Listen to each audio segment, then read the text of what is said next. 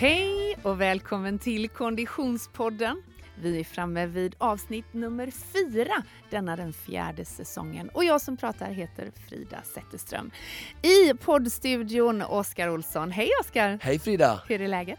Jo men eh, jag vaknade upp i torsdags tror jag, eller om det var fredags med eh, ingen röst. Så att ni som hör Ah. att jag brukar vara hes är lite ännu hesare nu. Eh, så får jag be om ursäkt om det stör inspelningen på något sätt. Men ja, den är sakta på väg tillbaka. Okej, du har haft en liten krasslig helg med andra ord. Ja, lite Ah. så. Ja, okej. Ja. Mm. Vi spelar in det här programmet eh, måndag morgon eh, i den här veckan. Eh, och eh, jag skrapade rutorna i morse. Gjorde du med det? Ja, faktiskt första gången, eh, t- 2019 höll jag på att säga, men eh, första gången den här sidan av sommaren. Så. Jösses vad kyligt det är ute nu. Ja, det är härligt. och fantastiskt verkligen. eh, jag, hade faktiskt en, jag har jobbat eh, hela helgen och eh, startade min lördag med att att sticka ut och springa på morgonen, vilket jag nästan alltid gör när jag ska ha stora scenjobb. Ja. Eh, det var så kallt va? Det var så fruktansvärt kallt. Mössa vantar på. Ja, jag hade ju inte det då. Så jädra korkat. Men du hade kortbyxor då, för det sa ju Adriel i första avsnittet här i säsongen. Ja. Året om korta Ja, byxor. nej, det hade jag inte. Jag hade eh, långa tights. Eh, men 06.30 längs med Eriksbergskajen, Ah. där var det kyligt kan jag säga. Ja, du bodde på hotell där också. Ja, där var det väldigt vackert. Fantastiskt. Det blev ingen lång runda för jag, öronen höll på att trilla av så att jag eh, tog mig in på hotellgymmet eh, och avslutade där istället. det var ungefär så mycket träning jag fick in också eh, på grund av hysteriska mängder jobb. Men eh, mer om andras träning blir det i det här avsnittet som har en fantastisk inriktning. Inriktningen är när man håller på riktigt jäkla länge.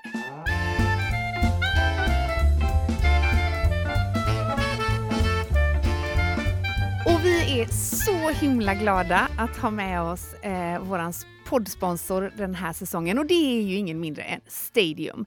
Eh, Stadium som är ett eh, eh familjeägt företag grundades i Norrköping av bröderna Ulf och Bo Eklöf eh, och den allra första Stadiumbutiken den öppnades 1900, höll jag på att säga, 1987 på Sergelgatan i Stockholm. Idag finns ju en mängd olika Stadiumbutiker i eh, Sverige men också i Finland och Tyskland. Eh, och så finns det ju såklart på internet, Oskar. Eller hur? Och just nu, Internethandel. internethandel, så har vi eh, en, en liten godbit till våra Konditionspodden-lyssnare. Ah. Mm. Från Stadium har vi en rabattkod att bjuda på. 25% får man på hela löparsortimentet, eh, förutom elektronik, om man shoppar på stadium.se. Det är Spring, inte spring, dåligt. spring. Spring, spring, spring helt enkelt. Eh, och för att kunna dra nytta av det här erbjudandet så skriver man in koden Konditionspodden i kassan när man handlar på stadium.se. Rabatten gäller ända fram till 24 oktober. Tack för det, Stadium! Oskar, innan vi ger oss i kast med dagens ämne som ju då är ultradistans, detta absurda fenomen när man håller på länge, länge, länge, så ska vi, hålla, så ska vi bara vända oss lite snett till vänster och säga hej och välkommen till programmet producent Niklas. Hej. Hur är läget? Ja men det är bra. Du, ultradistans, är det något för dig? Ja, jag har funderat på det. Ja. Eh, Du har kört Ironman för ja, tusan. ja precis. Ingår det eller? Är det Ja, ultra? det är ultra. Ja. Ah. Men det är just det här löpning, att springa mer än fyra mil, den känns ju fortfarande uh, Den känns ju svår mentalt att smälta men sen sätter man det i perspektiv där då när man håller på länge som i Ironman då, 11 timmar typ. Alltså då kan man ju göra saker Många saker. Men det är just löpningen, alltså springa i mer än, eh, ja den, är- de andra grejerna hade nog kunnat eh, tänka mig. Cykla, simma, paddla, Just ja, det. Ja. springa lite grann. Men springa så här i 10-12 timmar, det känns ju helt Mm. Ja, jag, jag, jag kan bara hålla med om just den delen. Ja. Med att eh, cykla och, och, eh, och cykla och löpa och, och nej, så länge. Nej, det är inte min grej.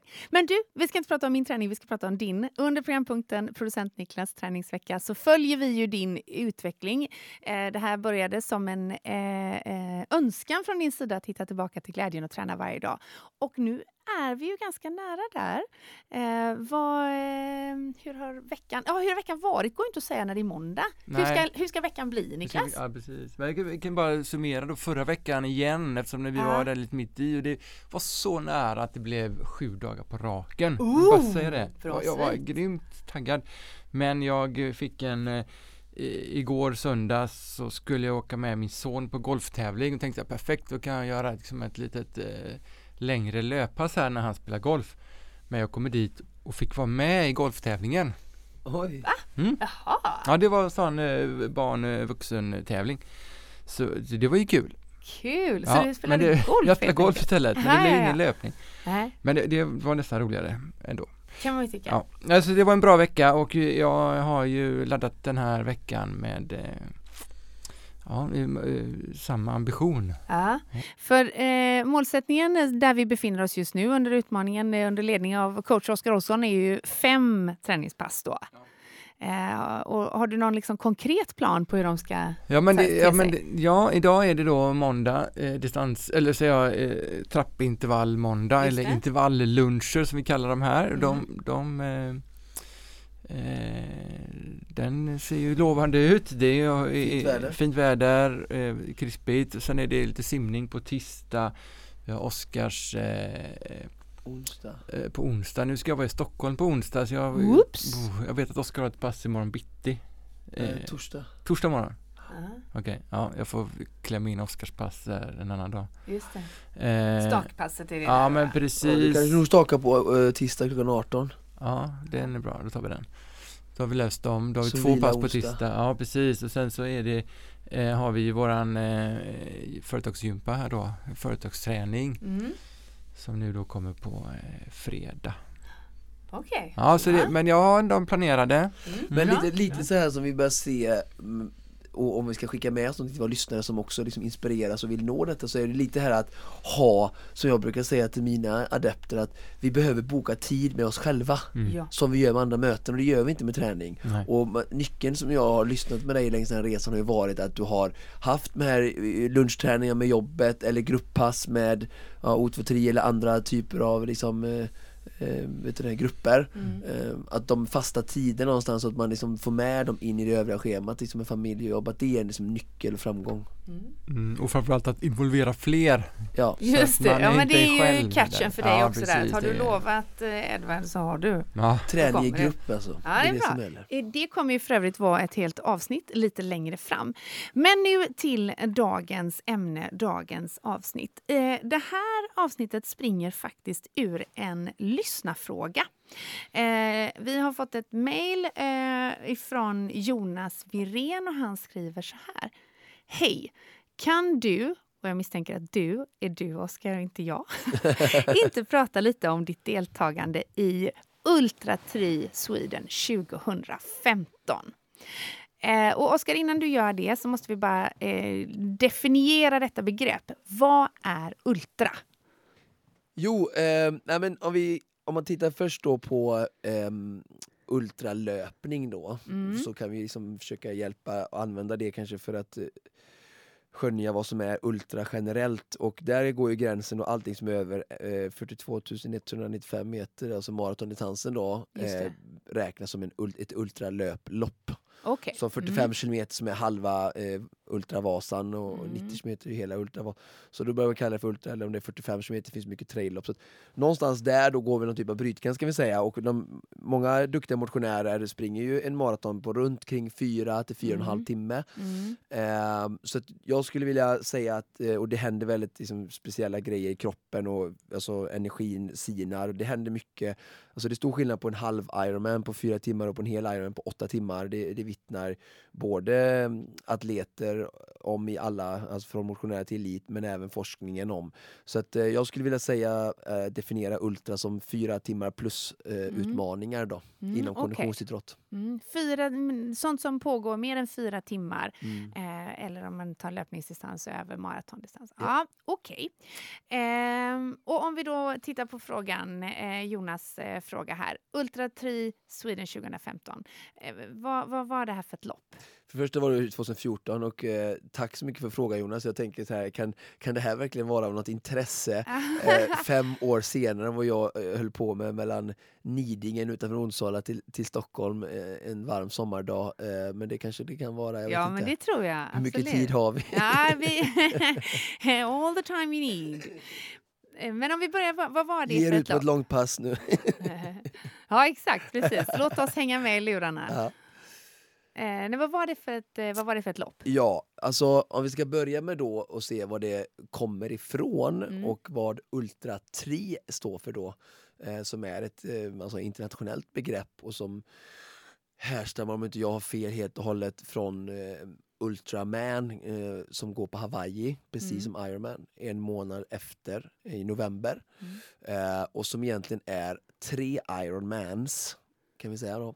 Ehm, eh, och det kallas då Ultra VM, då Ultraman VM, som, Mm. som Ironman, fast det är tre Ironmans som gör s- på tre dagar. Okej. Mm. Och det är inte så att man gör en Ironman om dagen utan Nej. distanserna är lite uppdelade. Det här kan skilja sig lite från lopp till lopp men eh, det brukar finnas en röd tråd i de här loppen i alla fall och man kan, eh, om man utgår från Hawaii då så är det att man simmar i princip nästan allt, eh, man simmar allting direkt och det brukar väl vara 10 000 eller om det är ja, mellan 10 11 000 meter i havet så det är inte riktigt eh, 12 000 då som, och det blir ju egentligen inte, om man har 3,8 gånger gånger 3 så får du ju typ 11 och 4 va? Eh, Mm. Drygt 11 och 5. Så att, eh, men ungefär tre stycken Ironman-simningar man gör man på en gång. Mm. Och sen så hoppar man upp på cykeln direkt första dagen efter simningen och cyklar ungefär 17 mil. Mellan ja, 15 och 17 mil. Eh, för att börja samla ihop då 3 gånger 18 mil cykel. Mm. Och sen är den första dagen slut. Sen dag två så cyklar man bara en lång stretch som är då Mm. mellan 30 till 34 mil för Mm. att eh, få ihop de resterande av de här då, vad är det, 54 mil väl som, som 3 gånger 18 blir. Mm. Eh, och sen sista dagen så springer man, eh, då skulle man egentligen då behöva springa eh, trippla maraton men då är det dubbla maraton då. Mm. Ehm, så att det blir inte riktigt tre Ironmans liksom, men man brukar springa tror jag ungefär ja, mellan 8 och 9 mil. Sista dagen då på ett, Ja. ett, ett bräde. Så det är tre dagar med väldigt mycket då ultradistans höll jag på att säga, men alltså väldigt lång som pågår då. Ehm, och ur detta då sprunget så har de ju skapat då Ultra Tree Sweden Ja. som ska vara en, en motsvarighet eh, då. Och sen så eh, är Robert eh, och Ann-Marie som har, ligger bakom Sandsjöbacka trailloppet med stor framgång som också även står bakom detta. Och för att få någon exotisk, eh, häftig, utmanande, rolig twist spice på det hela så eh, har de gjort en väldigt intressant sträckning Okej. som jag tycker de ska ha all eloge för och väldigt kreativ. Mm. Eh, som också gjorde kanske en del att jag var med. Eh, och Intressant på vilket sätt? Jo, att man startar alltså längst, så långt ut västerut man kan komma i princip. Alltså en ö som heter Nidingen utanför Onsalahalvön Mm, mm. söder om Göteborg. Eh, där man börjar med att simma ja, typ eh, 9000, 9500 meter öppet hav. Eh, ganska häftigt om man hoppar i från den här ön så ser man ju liksom inte fastlandet utan man ser bara sin kajak support framför sig. Ehm, och sen så cyklar man eh, till Jönköping första dagen också. Och sen andra långcyklingen då, för dag två är alltid en långcykling. Då cyklar man från Jönköping till Trosa Mm. eh, utanför Stockholm, eh, eller söder om Södertälje. Och eh, sen så sista dagen så springer man från eh, Trosa till, eh, och som en liten simning där nätt eh, i Södertäljekanalen in till eh, Rålambshovsparken eller ja, centrala Stockholm. Jag tror man hade målgång på Hammarbybacken i, i år om jag inte missminner mig. Men alltså ta sig på tre dagar då från så väst, långt västerut i princip man kan komma i. Göteborgs skärgård, eller höll på att säga, och eh, sen då till östkusten då, och korsa Sverige. Otroligt häftigt. Mm. Alltså, du ska få berätta mer om loppet i detalj strax, men, Mm. men när, man, när man står där ute på Nidingen då och liksom så här, hoppar i så ja, då kör vi. Vad, hur, vad är settingen då? Hur många är ni? Liksom? Är det liksom crowded? Är du ensam? är det liksom... De har väldigt eh, haft en utmaning tror jag, att marknadsföra och attrahera människor till det här loppet. Det som är kul, jag tror vi var nio eller tio där jag körde, eller om det var åtta. Eh, det som är kul med det här loppet är ju att det attraherar faktiskt väldigt mycket internationellt. Just Eller det, mycket, så, men alltså ja. i relativt till hur få Aha, deltagare det ja. är så, så är, det, är, det, är det mm, flera internationella som kommer alltså utifrån och kör. Jag har- följt loppet de andra åren när jag inte varit med. och sett att det kommer från USA och alltså andra länder. Så, som, så det är ju lite roligt. Men Mm. det, de har haft flera gånger tak på 10 och inte alltid nått det tror jag. Eh, så att, för det är, väldigt, det är en liten organisation och har varit svårt att, att få, få till detta. Liksom. Ah. Eh, så att det har mer varit liksom, den egna prestationen att ta sig eh, ehm, ta sig igenom sträckan liksom, mer än en, Ah. en tävling. Jag förstår. Eh, Jonas, första fråga kring eh, ditt deltagande då eh, var hur disponerade du loppet? Ja, eh, det är en bra fråga. Eh, Jag, eh, så här, jag hade väldigt jag hade en speciell, eh, det var ju som sagt eftersom det inte var liksom världsklass eh, motstånd i första hand eh, utan någon disrespect mot de andra som jag tävlade just det året eh, så var det ju som inte tävlande momentet som var det viktigaste för mig utan för mig var det här ett test och en mer träning. Mm. Eh, bara för att jag, det här var i juli 2014 och jag skulle anmäla mig till Barcelona eh, oktober samma år, 2014. Och Ironman då. Och som för övrigt gick nu i helgen med väldigt bra svenskt framgång, Sara Svensk. Eh, men i alla fall, så då sa jag till mig själv innan start att jag ska köra det här loppet, särskilt första dagen då som innebar lång simning och följt av 17,5 mil tuff cykel, vilket är ju typ då en Ironman-cykling. Och om jag kan göra det utan skadeproblem då som jag hade jagats och brottats med under 2014 så skulle jag anmäla mig och se mig som fit nog att så det var som en race simulation jag ville ha. Mm, okej. Vilket urminner då till svaret på frågan här att jag gick väldigt hårt första dagen Mhm. för att testa mig då. Ja, för att och, testa just den ja, delen. och sen de andra liksom. två dagarna skulle mer bara ta mig igenom som en rolig träning. Just det, just det. Så det fanns liksom ingen direkt pacing-strategi. Eh, så, eh, oavsett så tror jag inte, skulle jag gjort om det igen så hade jag nog haft samma liksom, ingång ändå för att jag skulle ändå vilja ha en så snabb totaltid som möjligt. Och Ja, med sömn emellan så tycker jag att jag återhämtar mig bra. Men så jag simmade så hårt jag bara kunde. Jag vet inte vad det tog, två och en halv timme ungefär. Ja. Eh, och det kändes bra. Den tiden står så hyfsat bra. Jag vet inte, det är inte den snabbaste men det är bland de snabbaste de senaste fem åren. Mm. Eh, och hade bra support på kajaken och Peter Rom och sen eh, upp på cykel och cyklade och gjorde faktiskt en väldigt bra cykling eh, wattmässigt. Eh, och en av de bästa tror jag cyklingarna jag presterat i mitt liv. Okej. Eh, Oj! Och ja, jag cyklade för, för 4.45 tror jag hade på 17,5 mil, vilket är väldigt bra med tanke på hur många höjdmeter den banan har Mm. jämfört med typ man tar Kalmar eller sådär. Så det är väldigt många höjdmeter och en sista tuff backe upp till eh, Tabergs, Taberg, Taberg heter det, Mm. utkiksplats på 300 höjdmeter i Jönköping. Ja, just det, innan man kom in i Jönköping. Ja, ja. Mm. Så att ehm, det var en faktiskt väldigt bra cykling och ett väldigt härligt minne och jag, jag körde så hårt jag kunde. Jag sparade inte, jag tänkte inte att jag skulle tävla dagen efter eller sådär. Liksom. Eh, eh, Jonas undrar också, ha, eh, hade du några svackor under, under loppet? Ja, det hade jag väl kanske man kan säga på ett visst, till ett visst sätt och de var mest eh, mentala. Okej. Och då tänker jag i första hand på, ja men det, det är ju, ehm, det är ju ofrånkomligt att att man brottas såklart med att det är långt kvar. Alltså, så, Mm, alltså det är mycket charm i detta för Ja. sådana som, som, som gillar sånt där som mig.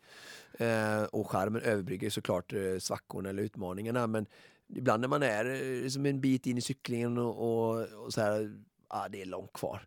Men så hela tiden jobba med, gör jag i alla fall, med delmål hela tiden. Där jag Mm. sätter att jag ska passera 10 mil på den här tiden, jag ska göra nästa mil på detta, jag har min drickaplan. Alltså jag, jag, jag sysselsätter mig mentalt med Mm. eh, mindset eh, Ja. som ska bockas av hela tiden. Och det blir någon slags, slags körschema, eh, om det låter Mm. make sense, Mm. på något sätt som, som håller mig busy och motiverad. Mm. Och jag tänker mycket på belöningen efteråt. att eh, men Jag njuter ju av att, eh, att nå mina mål och sådär. Mm. Mm. Eh, efteråt då, så det är också en, en, en motivator i själva smärtan, höll jag på att säga. Men i Mm. upplevelsen när man tar sig. Och sen, innan, vi har inte kommit dit än så vi inte vi ska prata om löpningen med. jo, men eh, det tycker jag. Vi ja kan... Eh, det... fram, snabbspola lite där, så det är ju, den största svackan jag hade väl var en felspringning på typ en mil. Åh, Eh, på grund av att vi navigerade med kartor själva och lite sådär, så det var lite vanskligt. Så då sprang jag ut och var ledde i början på löpningen i Trosa ganska mycket.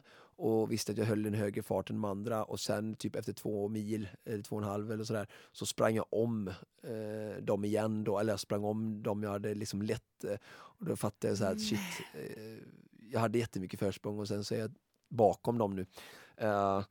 Så att eh, det var ju, alltså jag som jagade, liksom, att jag ville ju ta mig från Trosa till Stockholm så fort som möjligt löpandes. Ja. Att då springa mil för långt, det har ju ganska stor inverkan på taltiden. Så det var Alltså- väl, och jag kommer ihåg jag ringde Robert som är tävlingschef och stod i skogen med en telefon och bara Robert, det stämmer inte på kartan det som är i verkligheten, de har rivit detta. Ja. Och det var liksom- det var förtvivlan och Ah. Var du helt själv i det läget där då? nej, hade min stackars, stackars, stackars pappa jämte mig. Okej. Alltså, för de som inte känner min pappa så har jag begåvats med en far som typ gör vad som helst för mig. Ja. Eh, och han var såklart med här för att jag hade sagt till honom att vara med. Var han, var, han cyklade med? Ja, nu får vi backa bandet lite här då. Ja. Att, så var det så att eftersom det är en liten organisation, Ja. men väldigt gullig och mysig och gemytlig, så var det så att alla hade ju sitt eh, egna, fick ju fixa sitt egna serviceteam Ja. som till viss del hjälper till under ordnade former och samma förutsättningar för alla tävlande. Men att man hade till exempel på cyklingen då en, en följebil. det. Första dagen hade jag hjälp av Peter Åhm och sen i Jönköping vidare mot Stockholm så hade jag min far och hans sambo som följde mig med följebil de här 34 milen eh, från Jönköping via Norrköping till Trosa. Mm. Ehm, och sen då även på löpningen så hade vi tillåtelse att ha eh, support vissa delar av löpningen då i form av cyklist. Just det. Och eh, min tanke var att han skulle hjälpa mig lite att eh, navigera. Ja. Men med en undermålig karta. Inte så lätt navigerat. En far som inte är så trygg att navigera från karta överhuvudtaget, än mindre på en cykel. Det. Eh, så i den här skogen så ska jag bara, det är ganska roligt med, alltså eh, min pappa har, drömmer fortfarande mardrömmar om detta för han, Oh. alltså, han har följt mitt tävlande och vet min tävlingsmänniska och jag sliter mitt hår och skriker både på honom och Robert och det slutar med, alltså vi är mitt inne i skogen utanför Trosa, någonstans i ingenmansland. Okej, tänk dig. Stigen är slut, vi är ingenstans. Eh, min pappa har hjälm och cykelskor på sig. Han är gammal, han är snart 50, eller han har fyllt det då. Oj, oj, Eh, oj vad gammal. Ja, jag menar, jag menar, han var ju inte som 25. Nej. Och eh, det slutar med att jag i frustration rycker cykeln ifrån honom, för han är så långsam i skogen med cykeln. Så jag springer med cykeln på ryggen, en stor mountainbike, och han springer efter med cykelskor och hjälm i För att hitta Beräska. tillbaka till Ja, banan. ja, liksom. ja, precis. Och jag har liksom tagit kartan, pratat med Robert och beslutat mig för att vi ska inte tillbaka utan jag springer på kompass Ja. som jag har lärt mig i försvaret. Ja. Så vi genskjuter Ja. inne genom liksom bara Bräske och till slut kommer vi upp på en grusväg som jag vet sedan leder ut till eh, tillbaka rätt till del av banan. Men du kan tänka dig bara där och han liksom helt förtvivlad och jag bara skriker men häng med då för att jag springer liksom fortare med cykeln i handen än vad han utan någon Men jag dör. Så Åh, det jag var väl lite svacka då. tanke till din far. Och, Ja, eh, gör det för att han har kämpat med detta minne. Oh my god. Man kan säga så här, Oskar, att du, du besvarade Jonas tredje fråga. Var det några missöden? Ja. Samtidigt var det väldigt lärorikt och eh, glädjefyllt i efterhand men just i den stunden så var det verkligen mycket demoner och utmaningar jag mötte Ja. som har ändå gett, gett mig mycket inför framtiden. Ah. tävlande. Ja, jag förstår. Eh, den fjärde frågan inom eh, samma lopp här då handlar om hur gjorde du med nutritionen under eh, loppet? Ja. ja men överhuvudtaget om vi ska hålla oss lite vid ultra och uthållighetslopp så tror jag att det är viktigt att ett, ehm, så handlar det mycket om förberedelser innan loppen. Många fokuserar, tycker jag, lite med all rätt, väl mycket på under loppet. Mm. Men det är också, man glömmer av lite sådär, jag kan tycka att det är lite mycket öl, pis, pizza och pasta party de andra dagarna och lite mycket sånt här eh, sportdryck och ösa i sig socker och sånt där. Och för det första så kan man säga att eh, fermenterbara kolhydrater såsom socker till exempel då, är ju väldigt, eh, och vetebaserade, som är mycket pizza, pizza, pizza och pasta, är väldigt alltså, jäsningsbara kolhydrater som, som gör att det är inte så skönt för kroppen att, smälta och sådär. Mm. Så att de sista veckan tycker jag man ska lägga mycket fokus på och det brukar jag göra inför ultralopp. Så att där vill jag redan liksom börja och, och vidröra detta lite. Så att, att äta mycket bra eh, Svensson genomlagad Mm. mat med Mm, eh, fisk, kött, och, det, kyckling och grönsaker. Alltså äta Mm. bra Mm. blandkost Mm. dagarna innan, lite extra salt och sådär. Det tycker jag är väldigt viktigt. Mm. Och sen även sista dagen då att äta någonting lätt eller sista kvällen innan att fylla på bra men gärna inte kanske en stor pizza på något hak där Ja, tävlingen det, äger rum. Om jag får säga mitt. Och sen då såklart under själva tävlingen så nummer två då är eh, att det ska vara väldigt eh, personifierat, alltså Mm. individuellt. Alltså då tänker jag mest på att många tror jag glömmer att testa Mm. vad man vill, eh, alltså under långa 5-6 timmars träningspass eh, inför loppet, att vad funkar det för mig? Mm. Och det måste inte vara samma för alla, bara för man lyssnar på en podd eller på en kompis eller en granne. Så det viktigaste skulle jag säga är att testa det du tror på och Mm. se om det funkar eh, liksom på träning och verkligen testa det fullt ut. Och sen det tredje då som jag gjorde utöver detta eh, var att jag hade pannkakor eh, gjorda eh, som jag fick hjälp av. Till exempel då i Jönköping så stod vi där vi bodde över Mm. hos en kompis, eh, stekte pannkakor och då pappa Mm. också. Eh, som de eh, feedade mig i eh, folie eh, Mm. under loppet. Då. Jag stannade inte utan jag tog de här foliepackerna i, i farten. Mm. Och för mig tror jag är det viktigt att få lite annan typ av mat, alltså saker med lite fast föda och inte bara sliskiga saker under loppet. Så att, eh, och det vet jag många som kör Vasalopp och sånt där, de får också så här, de kan få bananer, Ja, eh, det. korvbröd Lite och konsistens liksom. Ja, Mm, precis. Och inte mm. bara det här söta barsen jämt som också såklart är, är bra, eh, snabb energi för magen Mm. att ta upp liksom, eh, Mm. ja, sportföretag som, som gör anpassade Mm. Eh, kolhydratsintag. Så, Men, så det är en tips att, att mixa upp det med sådana grejer. Mm. Eh, men gärna, och som sagt en vit macka med ost kanske man tycker om. Alltså, Ja. så såna, alla sådana saker som är lättsmält och som du är bekväm och som funkar och som du har testat. Eh, så, så nutrition gick jättebra, det var en väldigt tydlig plan. Jag hade sagt vid vilka mil de skulle stå och vad och hur mycket. Så det var väldigt väluträknat och eh, hade aldrig något problem med nutritionen under de, de här tre dagarna. Mm. Ehm, avslutningsvis så har eh, eh, Jonas en fråga eh, som är något av ett påstående. Det sägs att din bakväxel pajade andra dagen.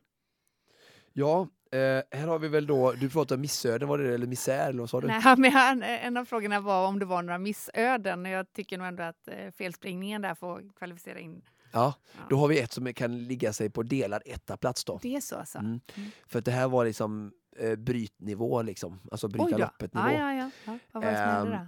Jo, att eh, dag två då så skulle vi som sagt, vi gick upp här, sovit, jag fick rätt bra sömn, säkert sju timmar. Eh, gick upp tidigt, starten gick fem eller något sånt där. Mm, och eh, vi började cykla det. Ehm, och Vi är eh, från Jönköping till Trosa vi ja, tittar nu då. ja. Ja. Och eh, väldigt bra split första 10 milen. Ja. Eh, snittade i alla fall 38 tror jag. Eh, var väldigt nöjd med det. Men så eh, händer ett missöde då. Det, min bakväxel gick inte sönder eh, men eh, mina vajrar gick eh, sönder och vajrarna är dragna igenom ramen på ett väldigt speciellt sätt vilket gör dem väldigt Okej. svåra att byta Okej. och det är speciella höljen och ja, så. Så ehm, jag, eh, efter Jönköping då, när jag har cyklat typ 10 eller 14, 13 händer väl detta, så jag vet ungefär när jag har 20 mil kvar, Mm. så eh, har jag helt plötsligt bara två, alltså jag har två drev fram och så har jag två bak.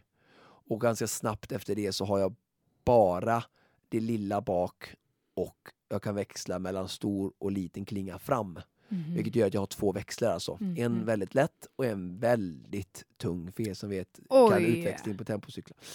Ehm, så det var, blev en utmaning att då jobba med väldigt tunga växlar på platten och sen väldigt lätta växlar när det gick uppför och tungt då. Ehm, så väldigt speciellt. Men vi kom till Norrköping där de hade en kontroll. Ehm, och kommer in där och det är en, en ganska bra cykelbutik där de har liksom ett samarbete med då. Så att Ja. kontrollen var på den här cykelbutiken. Tur. Så att då var ju jag lite förberedd på att det här kommer de ju lösa. Ja. Så jag går in, inte jätteroligt att behöva gå av Nej. cykeln och bära in den i cykelbutiken mitt under loppet och jag kollar på klockan och jag stod där utan att krydda för mycket mellan 15 och 20 minuter. Oh my god, om man tar Vilket- pannkakan i farten och sen blir stående Ja, i... ja. Och som tävlingsmänniska och, och som jag är så var det väldigt mycket mörka tankar som gick när jag stod där. Och de hängde upp den i stället enligt rutin och, och tittade igenom och konstaterade att de inte hade delarna till slut då. Eh, och jag typ nästan, i näst, inte, jag tror inte jag grät, gjorde jag inte, men jag var typ nästan i tårar och eh, liksom bara, jag får bryta här liksom. Och jag ser liksom eh, i, Ann-Marie och Robert som är tävlingsledningen, bara, de vill inte jag ska bryta och de, Nej. de ser min, det är sånt moment 22-läge Ja. liksom och jag leder och kan göra en bra tid och liksom allting är så här, nej vad tråkigt, ska han bara... Ja, man vill ju inte att någon när det är så få som är ska behöva såklart. avsluta lopp. Eh, och det slutar med liksom att jag bara är frustration, folk står där och är rädda för att jag ska bryta. Eh, jag bara går och rycker ner cykeln i ilska från stället och bara går rätt ut. Och liksom, stackars pappa igen då liksom. Eh, bara, vad händer nu? Bara, min son liksom, vad gör du? Ja. Eh, och jag bara sätter på cykeln, typ säger inte hej då till någon eller jag bara liksom i ren frustration hoppar på cykeln och bara börjar cykla mot Trosa och han får ju snabbt liksom, han vet ju att det är han som är ansvarig för att guida mig rätt då, ur. Norrköping. Så han får ju bara liksom skita i allt vad han håller på med, hoppa in i bilen och köra efter mig ut i trafiken och bara ja, nu ska jag vänster här, du ska höger här cykla ut ur Norrköping och så vidare mot Trosa. Ehm, och eh, ja, jag tog mig till Trosa, det gick bra, det kom en störtskur utanför vet, Kolmården, kommer jag ihåg. Men med de här då superlätt Men- växel och Ja, eh, bara ja, den ja, två växlar. Ehm, ja. Ja, vi får nog eh, låta den eh, kvala in på första plats bland missödena också faktiskt, helt ärligt. Eh, du, eh, Oskar, om du liksom skulle summera Ultra Tree Sweden och, och din, e- kanske inte så mycket din egen insats, men, men vad, vad, har, har du liksom lockats att ge dig på det igen eller vad är, vad är känslan? Bra, bra fråga. Nej men, jag känner väl ändå att när jag gjorde det de tre dagarna så att eh, jag, det är någonting som passar mig. Mm. Um, alltså oftast tycker jag att jag jag har tävlat ÖTÖ mycket och, och andra tävlingar och jag brukar gynnas av att ju, ju jobbigare och grisar det är och det var samma sak i Försvarsmakten när jag gjorde min utbildning. Så ju tuffare och grisigare förhållanden är ju, ju mer kommer mina styrkor fram eh, relativt sett till andra känns det som. Ehm, så att jag skulle gärna vilja göra något sånt förut. Nu är jag ju som sagt eh, fokuserad på swimrun för tillfället och på grund lite av min skada med rumpa, jag har haft problematik med tempocykling och sen lite, ja, inte riktigt tillräckligt med tid kanske som jag velat lägga i så fall för att tävla. Eh, Cykling kräver ju väldigt mycket tid då. Mm. Ehm, Så, så har jag inte riktigt kunnat komma upp i den nivån som jag velat komma upp i för att ställa mig på startlinjen. Men absolut någonting som jag eh, verkligen skulle vilja ta upp och göra igen Mm. och har tänkt flera år när Ultra 10 har gått att ska jag inte köra i år igen och, och sådär. Så ett fantastiskt minne och eh, någonting som passar mig och någonting jag utmanas och gillar. Mm. Spännande. Time will tell. Mm.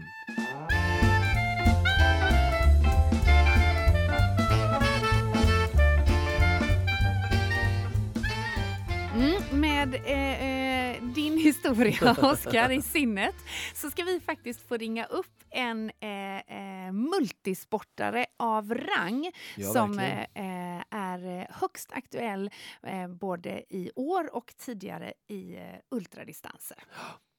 Ingen mindre än Marika Wagner. Hej Marika!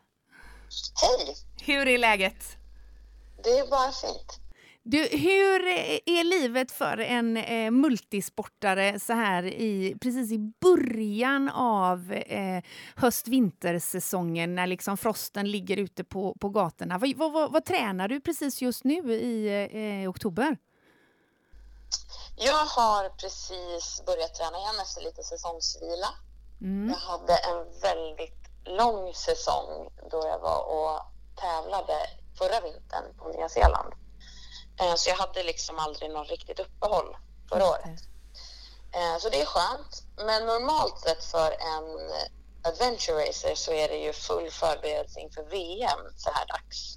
Som brukar ligga i november. Men i år är VM inställt. Så Jaha. vi har eh, lite höstlov nu. Va, är, hur, hur kommer det sig att hela sportens VM är inställt? Det skulle ha varit på Sri Lanka, men av Ah, såklart. lokala anledningar så blev det tyvärr inställt.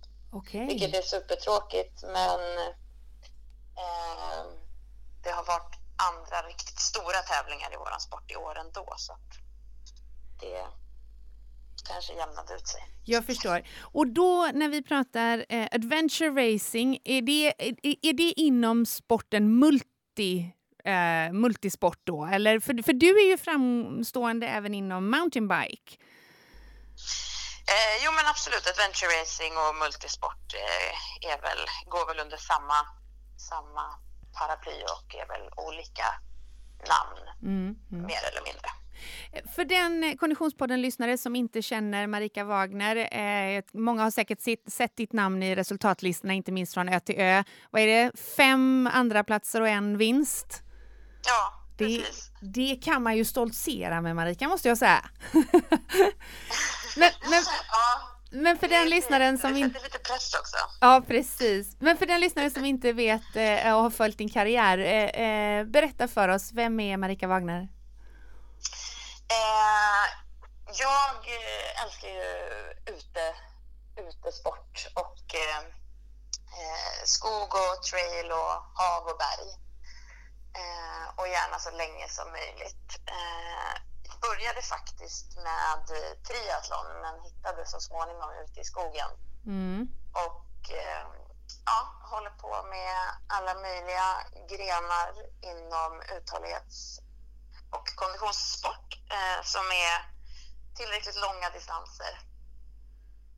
N- när, alltså, bara, bara den där meningen, om vi bara håller oss vid den en liten stund, gärna så länge som möjligt. Jag misstänker att det är liksom här som agnarna sållas från vetet eh, eh, eh, och, och det är här man, man hittar sitt kall om man ger sig in i den här liksom, ultradistansidrotterna. När upptäckte du att det var det som du triggades av? Eh, för mig har eh, nog som det för många blir, blivit längre och längre. Ehm, jag eh, har väl alltid förstått att jag är uthållig och att det passar mig eh, ju längre det blir. Mm. Ehm, och det första riktigt långa jag körde var Ö till Ö. Just det. Och eh, där insåg jag att eh, när vi kom till slutet så var jag riktigt stark. Eh, och sen så gick jag ändå ganska snabbt från det till att jag fick chansen att köra en världscuptävling i adventure racing Mm. och körde då fem dygn. Eh, och eh, ja, Ja. insåg att långt passar mig riktigt bra. ja, det är ju liksom fascinerande och lite nästan, ja, det, det är nästan lite svårt att greppa för en högst ordinär motionär som mig själv. Att man liksom tänker fem dygn, jo men det känns som en bra grej, det ger jag mig i kast med. vad, möter du, vad möter du för reaktioner när du liksom eh, pratar med vanliga dödliga om din, din idrott och din passion? Men det är väl just det att eh, det är svårt att eh, relatera till. Mm. Eh, men att det är oerhört fascinerande. Ja. Eh, och det som jag tror ändå att många relaterar till och det som jag upplever när jag berättar och pratar om det, det är just det här mentala. Och det är ju det som är, är häftigt när det börjar bli riktigt, riktigt långt. Att det kommer in så många fler faktorer än bara... Eh, det är klart att det är mentalt i väldigt korta idrotter också. Bara titta på friidrotts-VM nu. De har en chans, Exakt. ett stavgissett som ska bli perfekt eller vad det nu är. Eh, Mm. så att det är alltid mentalt i idrott. Men här kommer det in så många aspekter och speciellt när det är ett lag som ska funka tillsammans under ganska pressade former Mm. där man inte kan förbereda sig för det som händer. Det är ju en otroligt stor aspekt, just det här oförberedda. Hur, hur känner du Marika? Jag gjorde också själv den resan lite. Jag började i triathlon och var i en eh, soloidrott och sen så har jag mer och mer också tyckt eh, stor fascination i, i, i swimrun och i multisport, att man jobbar som ett lag. Hur, hur känner du där? Har du också gått mer och mer från att göra individuella lopp eh, bortsett från Åre Extreme Challenge eh, som du har gjort med stor framgång och gillar mer nu att tävla i lag om två eller mer? Ja, jag älskar lagidrotten. Det är... Jag presterar bättre som en del i ett lag, då plockar jag, det är då jag kan plocka fram mitt allra, allra bästa Mm. och göra lite mer.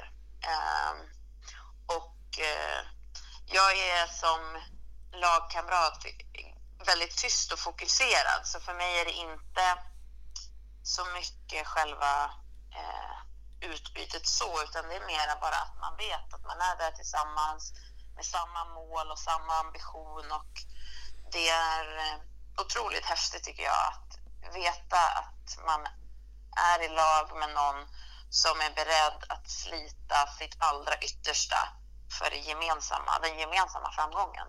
Mm.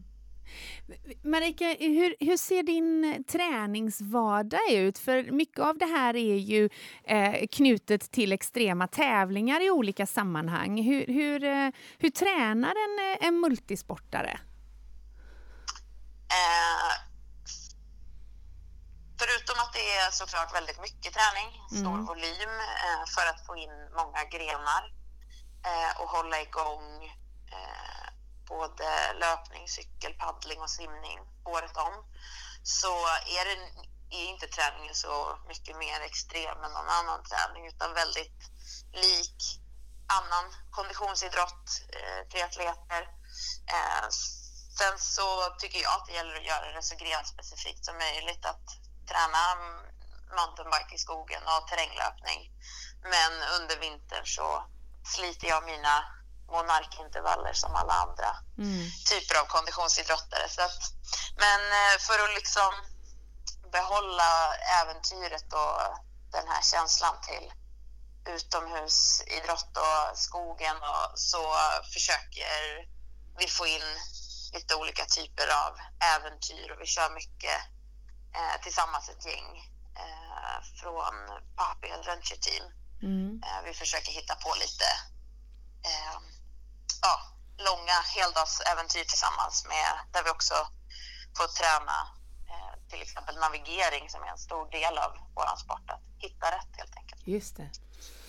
Eh, jag tycker ju att du är en sån enastående idrottskvinna och är så grymt nyfiken att höra lite hur eh, den gångna säsongen har varit och lite hur du ser framåt och vad som händer i, i ditt liksom, professionella liv just nu eh, och idrotten. Berätta först lite om hur, hur, hur upplever du ehm, säsongen som har varit och eh, jag tänker också lite, jag vet att många av våra lyssnare ehm, följer År Extreme Challenge och eh, jag, följde, jag såg dig vinna 2018 och sen så kom du tillbaka som regerande mästare. Vi, berätta lite om, om Åre och den gångna säsongen, hur du upplever den. Tack så jättemycket.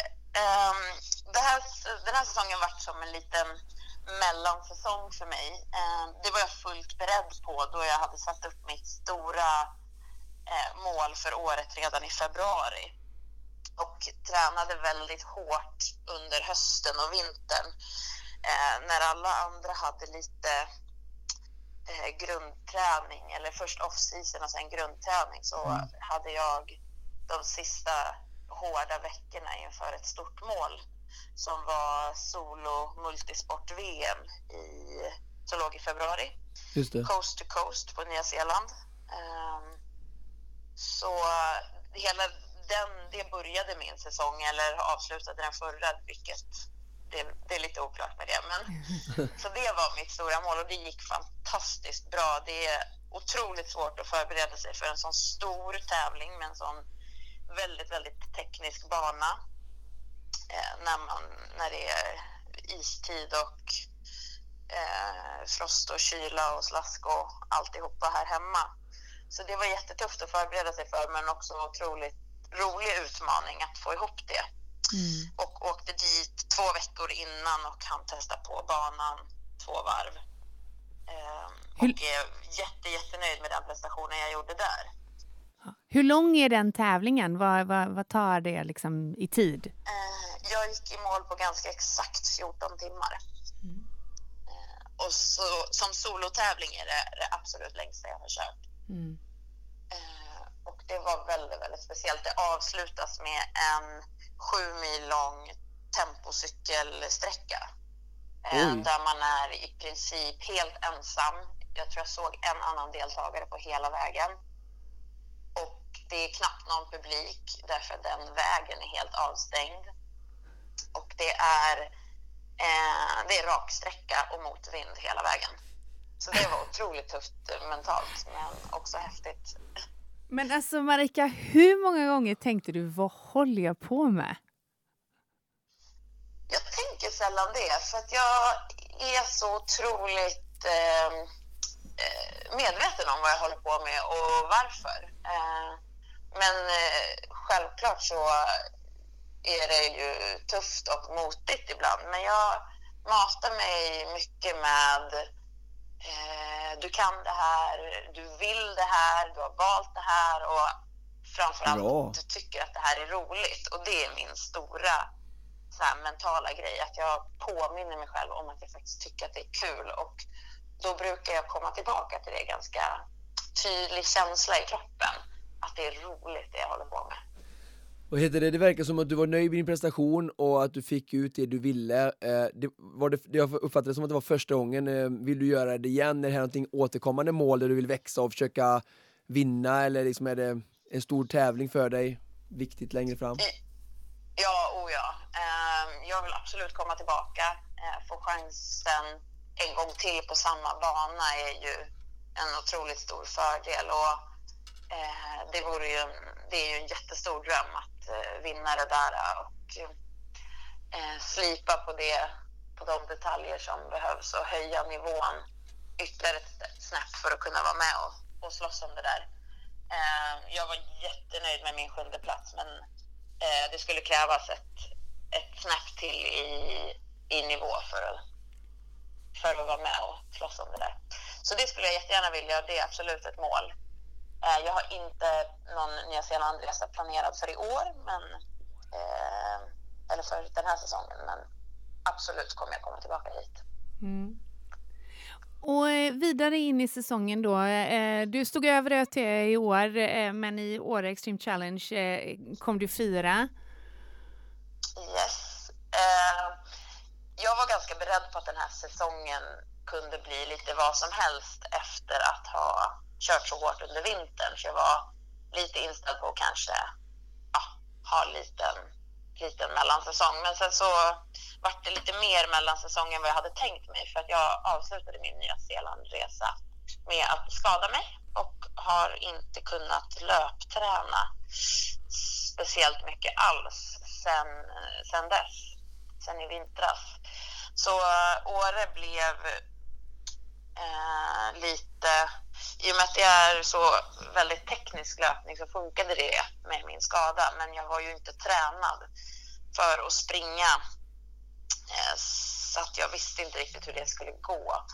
Eh, och sen så hade vädrets makter, vilket alltid är en faktor när man håller på med utomhussport, det hör till tycker jag och eh, det, det är en del av spelet. Men det gjorde att det blev en annan bana som blev lite mindre kötta uppför berget med stavar och lite mera faktisk löpning och där hade inte jag så mycket att komma med. Så jag, eh, jag är otroligt nöjd med min eh, paddling och cykling men löpningen fanns inte där. Så att, att hålla ihop det till en fjärde plats var jag också nöjd med men det är klart att jag kom dit för att vinna igen. Mm. Så det var inte riktigt, det var inte mitt år i år riktigt helt enkelt. Men du Marika, eh, hur ser eh, din vardag ut i övrigt? Gör du det här heltid och professionellt eller har du något annat jobb?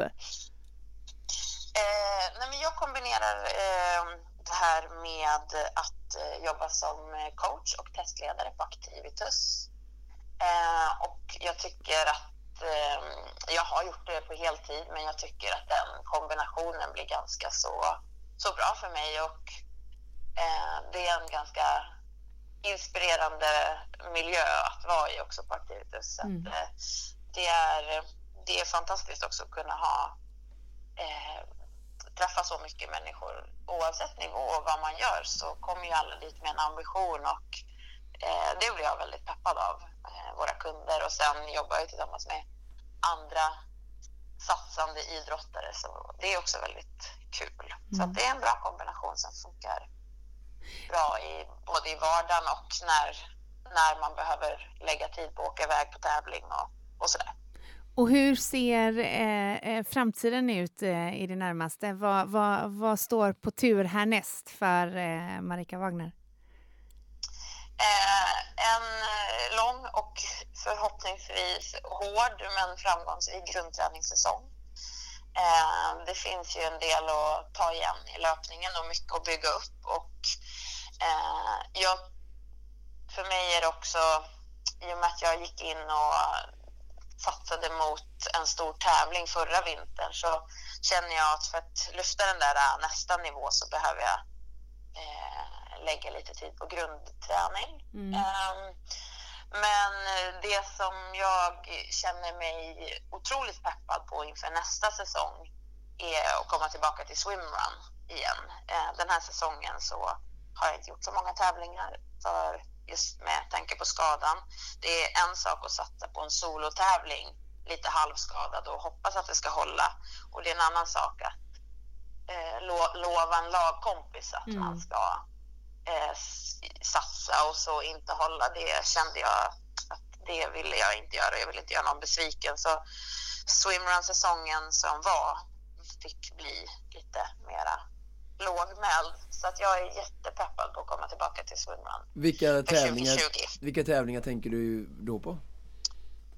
Eh, jag har inte, det finns otroligt mycket att välja på. Ja. Eh, men jag har hållit på så länge i swimrun nu så att jag vill nog välja lite efter bana. Jag är sugen på att köra tävlingar som är fina och häftiga upplevelser och Eh, Engadin är en sån tävling i världsserien då, som jag faktiskt inte har kört och som ser otroligt fin ut.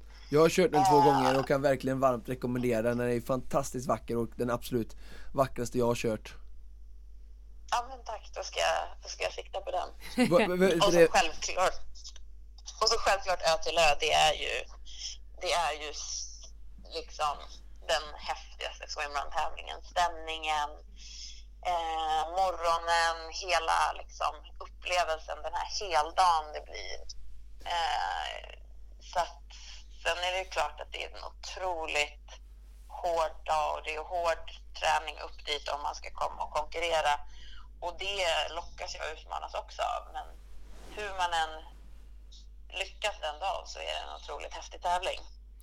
Vad heter det, eh, hur ser det ut, eh, vi pratar ju om att tävla i lag och grupp och sådär ehm, Tillhör du något speciellt team eh, och, eller och vilken partner planerar du att tävla med i, i, på Ötjö i så fall eller är det någonting som du inte har bestämt än eller? Är det mix eller i damklass eller? Um, jag har ju framförallt kört i mix hittills. Mm. Uh, det passar mig väldigt bra. Uh, den typen av konstellation. Mm.